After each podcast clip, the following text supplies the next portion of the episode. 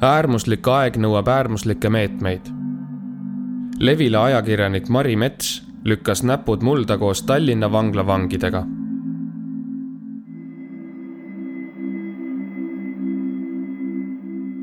istun vangla ees autos. kell on veidi üle kuue hommikul. kõhe tunne on. ja samal ajal tundub see kõhedus tobe, sest vangla parkla on täiesti avalik koht väljaspool vangla müüri. Sinna võib uitama minna iga vabadusest tulija aga niisama naljalt mitte ükski vanglaasukas. päikselisest hommikust ja moodsast betoonist hoolimata on vangla üks sünge koht keset tühja välja. läbi Lasnamäe taguse tühermaa uue Tallinna vangla poole sõites arvasin veel, et uimasel juulihommikul haigutab vangla ümbruses üksikute öövahetuse töötajate autode vahel tühjus. aga ma olin eksinud. Bussipeatus on paksult rahvast täis seal seisjad piidlevad minu tegutsemist pingsalt. pargin nende vaateväljast eemale. kas tõesti on need kõik vangid? mitukümmend lühikeseks pöötud juustega noormeest, kes siis ikka varahommikul vangla bussipeatuses suitsu kimuvad, kui mitte vangid. ja kuhu nad küll sõidavad ja kas nad kõik tulevad ikka õhtuks tagasi? Mu mõtted katkestab vangla väravasse saabunud tumeroheline Volkswageni buss hetk hiljem istun selles juba ise koos vangidega, kummikud näpus.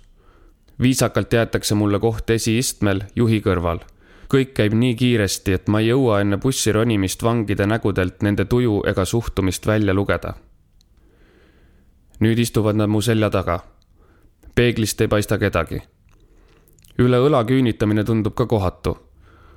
Kuulen selja taga venekeelset jutupominat, suutmata püüda kinni ühtegi tuttavat sõna mõtlen hirmuga, kas keelebarjäär lõikab mu tänase plaani läbi ja ma ei saagi nende elust ja tööst põllul midagi teada. eks kohtume siis vao vahel, lepin hapult väljavaatega oma umbkeelsest tööpäevast. põlise põllumehe Gunnar Tärni, papa Gunnari, nagu ta ise ütleb, roolimisel algab igahommikune sõit vanglast Raja tallu. Edasi-tagasi üheksakümmend kilomeetrit. bussis mürtsub muusika ja õhtul samamoodi, sest vangipoisid on vaja hiljemalt kella seitsmeks tagasi tuua. nii iga päev kuni suve lõpuni. Gunnar on juba varahommikul püha viha täis. valitsuse peale. ütleb, et algul tundusid need EKRE mehed maaelust matsu jagavat, omajagu mõtteid oli neil täiesti normaalsed ja valijad läksid nende taha. eks läksin minagi, aga nüüd olen omad vitsad saanud ja ei iial enam Gunnar ei mõista, millest valitsus edasi elada kavatseb, kui oma peamistele valijatele, maarahvale, nuga selga lüüakse. ta rõhutab, et kui suur osa saaki põllule mädanema jääb, ei saa nendele vähestele Eesti töölistele ka väärilist palka maksta. Gunnar on kolmkümmend aastat maasikaid kasvatanud, sellest oma pereäri teinud. lisaks vaarikad, mustikad, herned. Järgmisel aastal plaanivad tärnid maha panna oa uba on nii moodi läinud ja miks peaks seda kogu aeg sisse ostma, küsib Gunnar. iga aastaga peab ju natukene paremaks saama, edasi minema, rõhutab ta. tuleval aastal oli plaan uus külmhoone rajada, aga selle suurejoonelise mõtte võib tänavu kohe kindlasti korstnasse kirjutada. praegu vaata, kuidas ots otsaga kokku tulla. Igal hommikul vanglavahet sõitmine on uus äärmus, milleni jõudmist poleks Gunnar veel kevadel uneski näha osanud viimased kuus-seitse aastat on Rajatalu põldude saagi koristanud ukrainlased. Nemad elasid tärnide koduõuel vagunites ja töötasid nii, et mühises. tärnid ehitasid töölistele isegi oma sauna. mullu oli põldudel korraga abis nelikümmend ukrainlast. Välistööjõudu hakkasime otsima siis, kui eestlased enam põllule appi ei tulnud, räägib Gunnar. kui eelmisest masust oli hea mitu aastat möödas, töö kaotanud olid lahkunud Soome õpetajate palgad said tasapisi inimväärseks, ei kippunud Eesti inimesed enam palavale põllule. nüüd keeras riik aga tööka Ida-Euroopa tööjõukraanid kinni ja tärnid on taas lõhkise küna ees. kust leida ebaatraktiivsele põllutööle abikäsi? Kui isa Gunnar teeb tööjõuotsinguil hommikuringi vanglasse, stardib poeg Margus varavalges seitsme kilomeetri kaugusele Keilasse seal on raudteejaamas vahel hommikuti omamoodi kohalike põllumeeste kogunemine. oodatakse töölisi. kunagi ei tea, kui palju neid täna täpselt tuleb. enamasti loodetust vähem. samal ajal on Marguse õde ja abikaasa juba maasikatega Nõmme turul. see on uus nišš. Kuigi omajagu läheb ka hulgimüüki, käib suurim äri siiski koduväravas. pane tähele, kui kell viis Tallinnas tööpäev lõpeb, hakkavad siin autod voorima, teatab Margus ta lisab, et juuli algul peaministri tänuüritusel koroona eesliinil töötanutele pakuti nende marju.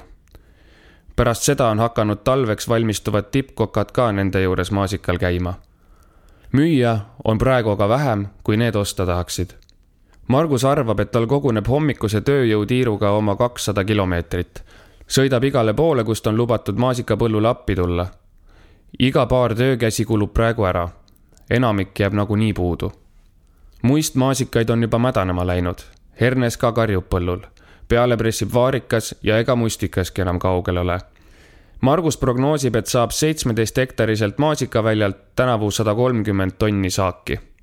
hukka läheb teist sama palju, sada tonni. tärnid loodavad, et ehk on lõviosa sellest juba läinud ja suve teises pooles kõdutonnidele suurt lisa kirjutada ei tule võitlus käib selle nimel, et järgmiseks aastaks uute taimede istutusraha kokku kraapida. sisimas ootavad nad, et see põrgulik hooaeg juba läbi saaks. ehk on järgmine aasta parem. valitsus peab ju ka ometi oma vigadest midagigi õppima, muidu ei vali neid enam keegi.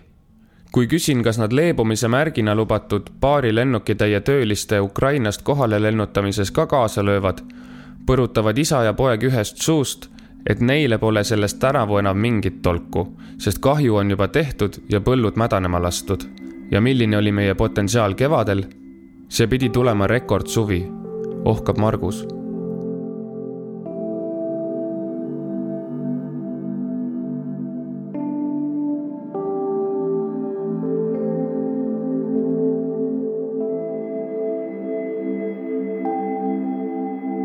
maasikat jagub Rajatalu põldudel augusti keskpaigani, aga korjajaid jääb aina vähemaks. hooaja algul käis ühe päeva katsetajaid, aga esimene päev põllul jäigi enamasti nende viimaseks. sageli tehti sääred juba paari tunniga, kohe kui selg tunda andis ja päike kukalt kõrvetama hakkas. nüüd suve teises pooles enam uusi töölisi naljalt ei tule, on vaid need, kes hooaja algusest saati abis käinud, välja arvatud muidugi vangid kes alles siis põllule said, kui esimesed maasikasordid juba hukka olid läinud. prinkidest punastest marjadest said lögased tombud ja siis juba kuivanud tossuseeni meenutavad hallid känkrad, vagude viisi. tärnide südamed tilkusid verd. kui rääkisin Margusega telefonis jaanipäeva eelõhtul, oli ta lootusrikas, et kohe pärast pühi läheb ta vanglasse casting ut tegema ja uuest nädalast on tööintervjuu läbinud vangid juba põllul. väljavaade oli hea kusjuures vangid ise olid Margusele helistanud ja end põllule appi pakkunud. vangide paberimajandus võttis aga nii kaua aega, et selleks ajaks, kui nad lõpuks põllule said, oli hea mitusada vagu maasikaid juba hukas. lootus ligi viieteistkümnele paarile töökatele kätele oli ikkagi suurepärane. sellist abiliste armeed tänavu küll kuskilt mujalt ei leia. mitte kunagi varem pole vangid tärnide põldudel abis käinud aga äärmuslik aeg nõuab äärmuslikke meetmeid ja leidlikke lahendusi. ja teistpidi, vangla otsib alatasa vangidele tööotsi, et vabanedes poleks neil taskud päris tühjad. tööharjumust on vaja aegsasti tekitada. tärnidele vangipoisid, nii nad neid kutsuvad, meeldivad. Nad pole kunagi hommikul pohmellis, jõuavad alati õigeks ajaks kohale, ei saa kohe paar tundi pärast tööpäeva algust lihtsalt minema jalutada, on väga töökad ja motiveeritud naudivad värsket õhku. alustame tööd põllul kell pool kaheksa. kohalikud korjajad on platsis juba kuuest. täna korjatakse Florence'it, hiiglaslikke lihavaid maasikaid. turumaasikad pole kunagi nii suured kui need Florence'id siin. päev tuleb palav, taevas pole ainsatki pilve. vägesid juhib ja vagusid määrab Lilli põlluveerel seisvast kaubikust jagatakse varustust.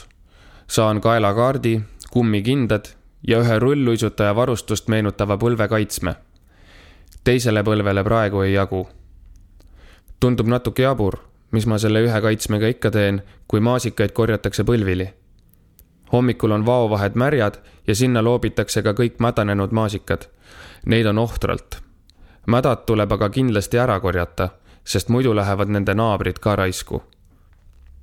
minu suureks rõõmuks määrab Lilli mind vangidega samasse meeskonda. neljases tiimis olen mina ja kolm vangi. olgu nad Martin, Timur ja Aleksei. maasikaid korjatakse paaris, vastamisi kahel pool vagu kiirelt lahtub ka minu keelemure. Martin ütleb, et ei ole isegi vanglas vene keelt selgeks saanud. Timur räägib vabalt nii eesti kui ka vene keelt ja Aleksei eesti keel läheb päevapeale aina paremaks. täna on põllul kakskümmend inimest. Vaja oleks kuuskümmend. kui koos vangidega maasikavagude vahele saan, kirjeldavad kinnipeetavad oma tööindu ja õhuvannide nautimist märksa tagasihoidlikumalt kui Margus maasika korjamine on neile rohkem asendustöö. tegelikult käivad nad ehitusel abitöödel, näiteks betooni valamas. väljas tööl käimise luksust saavad nautida avavangla vangid, need, kel on lootust lähiajal vabaneda. Teised teevad oma töötunnid täis vanglas kohapeal. ehitusel on parem töötada, sest palk on kindel. praegu pole ainult ehitajal neile piisavalt tööd anda Aleksei koorib end keskpäevase päikese käes võimalikult paljaks ja sätib igal puhkehetkel näoga päikese poole. hea jume on vanglas defitsiit. õhtuks on tal korralik päikesepõletus. maasikate puhul ei tea päevateenistust kunagi ette. Olenevalt töö raskusest on maasikakilo hind nelikümmend kuni kuuskümmend senti. täna saadakse nelikümmend senti. tavaliselt suudavad vangid korjata umbes sada kilo päevas ukrainlased on aga varasematel aastatel korduvalt kahesaja kilo rekordit purustanud. vangide tööpäev põllul kestab kümme tundi. homme on puhkepäev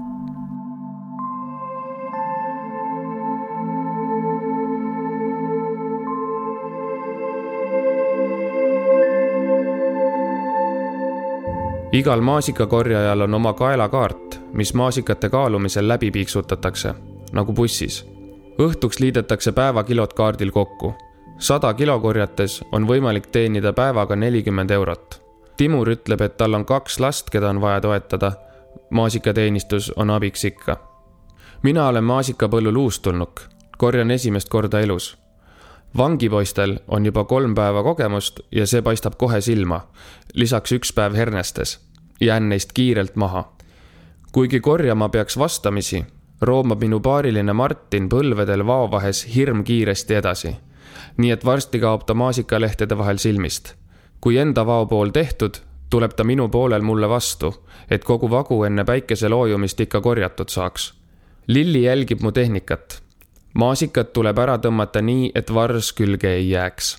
mul on selle arusaamiseni jõudes korvis juba kaheksa kilo vartega maasikaid lisaks vaoäärsetele marjadele tuleb sukelduda ka maasikalehtede vahele vao keskel. see paneb käsivarred sügelema, sest maasikalehed torgivad. ma saan väga hästi aru, miks ei ole Raja talu eriti huvitatud iga päev uute minusuguste väljaõpetamisest. töö kvaliteet lonkab kahte jalga ja teistega võrreldes olen ma ikka hirmaeglane. Kui kella poole kümne paiku oma esimese korvitäie kaalule vinnan, mõõdetakse välja üksteist koma viis kilo vangipoisid on selle ajaga igaüks circa kakskümmend viis kilo korjanud ja nad pole ka veel mingid profid. minu selg ammu valutab. Lilli õpetab, et esimene seljavalu tuleb üle elada, siis läheb paremaks. üldsegi on esimesed kaks päeva kõige raskemad, kolmandaks on selg juba harjunud. kas tuleb veel, küsib Lilli. Ma ei saa küsimusest kohe aru, aga ta selgitab, et viimati põgenes üks ajakirjanik nende põllult juba pärast esimest korvitäit ma ei ole päris kindel, kas see on hinnang minu üldisele kehvale potentsiaalile maasikakorjajana või väljakutse. aga tühja korviga ma igatahes põllule tagasi loivan.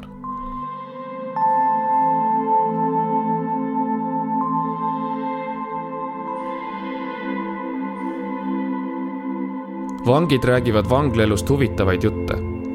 Kõik filmidest tuttavad hierarhiad on seal väidetavalt ka päriselt olemas kõik oleneb sellest, millisesse seltskonda sattuda. üks läks trellide taha nii, et klassivend oli juba ees. see tegi sisseelamise palju lihtsamaks. kurdetakse, et elu uues vanglas pole meelakkumine. igatsetakse vana Magasini tänava oma järele. oli vana ja kole küll, aga seal sai ikka rohkem elada. näiteks tapeedi seina panna. Lubatud see ei olnud, aga kui juba seinas, siis maha ka ei võetud. mõni neist istub nimelt kinni juba mitmendat korda. kuulen, et kui kriminaalhooldajaga hästi ei klapi, on uuesti kinni kukkuda lihtne. eks vanglas on pidevalt suuresti sama rahvas, kes parasjagu sees, kes väljas, kõlab selgitus. uues vanglas on kord palju karmim. koroona kevadel istuti kuid oma kambris kinni seda aega meenutatakse tülgastusega. Avavanglas on elu aga juba parem kui kinnises osakonnas. saab käia väljas tööl ja teenistuse eest Ülemistes shoppamas, teha endale ise süüa. vangid kurdavad, et üks menüü kehtib vanglas kuid. igal esmaspäeval läheb alati samas järjekorras käima. Need kolm poissi ei tundu eriti hirmsate kurjategijatena vaid pigem jamadesse sattunud nagadena, kes ei paista just hõbelusikas suus sündinud olevat üks kasvas üles lastekodus, siinsamas maasikapõldude lähedal. võib-olla kuulubki selline pisipahareti maskeering iga eduka kurjategija oskuste arsenali. kui üksi koos vangidega kaubikusse ronin, et teisele poole põldu sõita, meenutan endale, et karistused on ju Eestis üldiselt väikesed ja vangi on nad siiski määratud küllap asja eest. jutuajamised vangidega on hektilised. kui koos Martiniga uut vagu alustame, saame rääkida kümmekond minutit, kuni ta minust juba lootusetult kaugele ette jõuab. varsti jõuavad teise vaoga järele Timur ja Aleksei, kuni nemadki minust mööda panevad. Nende lähenemisest annab aegsasti märku lõhnapilv. parfüümiga pole poisid hommikul koonerdanud. Lillil oli õigus. seljavalu lähebki üle, kui pärast esimest poolteist tundi veel sama palju ära kannatada järgmise korviga vinnan kaalule juba ligi neliteist kilo lõõskava päikese käes põlvili vao vahel mädanenud maasikates roomates hakkab üllataval kombel valutama hoopis kukal. lõunapaus on üks selle tööpäeva kõrghetk. sööd põllu otsa peal karbist külmi spagette ja vaatad vagusid, mille teine ots isegi mitte ei paista. juba lõuna ajal on mul hea meel, et olen siin ainult üheks päevaks. samuti olen õnnelik selle üle, et taipasin kodust oma kahvli kaasa võtta kella kahe-kolme paiku hakkavad päikeseuimas langema teised korjajad. täna on kohe eriti palav päev ja nemad on olnud põllul juba kaheksa tundi. päeva rekordiks saab sada kakskümmend kilo maasikaid üheksa tunniga. vangide tööpäev kestab kella kuueni. aga ka nemad on inimesed ja nende joogi ja suitsupausid muutuvad aina sagedasemaks pausi ajal keeratakse Gunnari rohelise kaubiku raadio üürgama nagu hommikulgi vanglas ei lubata ilmselt eriti muusikat kuulata ja seda naudivad vangipoisid põlluservas nüüd täiel rinnal. hakkan mõtlema, mida ma oma kaardi peale kogutud maasikakilodega pihta hakkan. parem kingin need kohe vangidele, kellele on mõned kümned lisakilod suur asi. päike paistab otse pähe ja kere on kange. hakkan vaikselt viilima. Lähen teen juttu Lilliga. ta ütleb, et ukrainlased alustasid tööpäeva mõnikord juba kell neli hommikul, et keskpäevase kuuma ajaks põllult minema saada. kolmveerand päevasaagist korjataksegi ära esimestel hommikutundidel. õhtupoole käib tempo maha. minu poolest võiks päevale juba ammu joone alla tõmmata, aga minu tiim peab kella kuueni rassima. sirutan selga, täidan veepudelit. maasikalõhn ei meelita enam kohe üldse korvi ei tohi panna ühtegi plekilist maasikat. teiste maasikate vahel soojas läheb plekk aina suuremaks ja võib täiesti terved maasikad ka ära rikkuda. hommikul sõin imeväikese plekiga maasikad veel ära. hiljem sõin ära vaid maasikate ilusamad küljed. pärastlõunal tunduvad kõik maasikad vastikud ja nende lõhn lääge. vangipoisid saavad lillilt noomida mädanenud maasikate peenrasse jätmise eest tunnen õige pisikest kahjurõõmu, sest mullegi jäi hommikul mulje, et poiste kiiruse taga on vaid korralike maasikate korvi panemine, samal ajal kui mina raiskasin aega püüdlikult hallitanud maasikate järele sirutades. samas saan ma neist aru. makstakse ju vaid kaalumise läbinud korralike maasikate eest. oma päeva tulemuseks liidan koos vangide arvele kirjutatud kilodega veidi üle neljakümne kilogrammi maasikaid, mida on naeruväärselt vähe lihased valutavad, käed sügelevad ja ilmselt olen saanud ka kergemat sorti päikesepiste ning kohe kindlasti ei vaata ma maasikaid enam nii suure isuga kui varem. minu nelikümmend mädanemisest päästetud kilo on vaid tilk meres. seda ei saa küll eriliseks saagi päästmiseks pidada. vaatan kurbusega naabervagusid, kus täna keegi ei korja. uurin Lillilt, kas need suured ja laitmatult punased Florence'id jäävad nüüd kõik mädanema. Ta lohutab, et kui vihma ei tule ja homme-ülehomme korjajaid leidub, siis jõuavad need kõik veel ilusti müüki nagu kellavärk hakkavad kell pool kuus Rajatalu värava taga autod saalima täpselt nagu Margus ennustas. turul müüdavate paari eurose kilohinnaga maasikate suhtes on tärnid ülikriitilised. Nad nimetavad sellist kraami moosiks, mida oleks häbi müüa. kui Gunnar oma kaubiku jälle ette ajab, tabab mind väiksemat sorti kergendus, et see tööpäev on lõpuks läbi. vangid muidugi ei alusta kojusõitu vangla poole nii heatujuliselt teevad veel viimase piduliku suitsu enne kaubikusse ronimist ja keeravad raadiost jälle tümpsu mürtsuma. kui Gunnari kaubik vangla ette jõuab, ronivad poisid bussist välja ja lähevad vanglaväravast sisse nagu lapsed pärast suvevaheaega kooli. lehvitatakse tuttavatele ja tervitatakse neid, keda pole ammu näinud. ma ei jõua oma tänastele kolleegidele õieti tšau öelda, kui nad on juba vanglamüüride vahele kadunud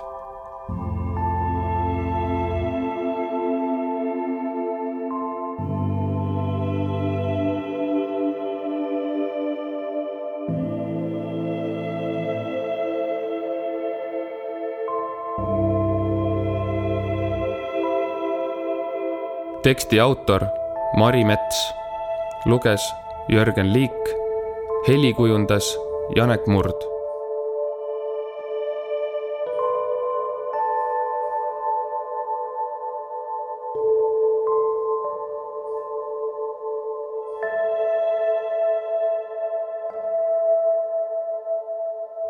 Levila kaks tuhat kakskümmend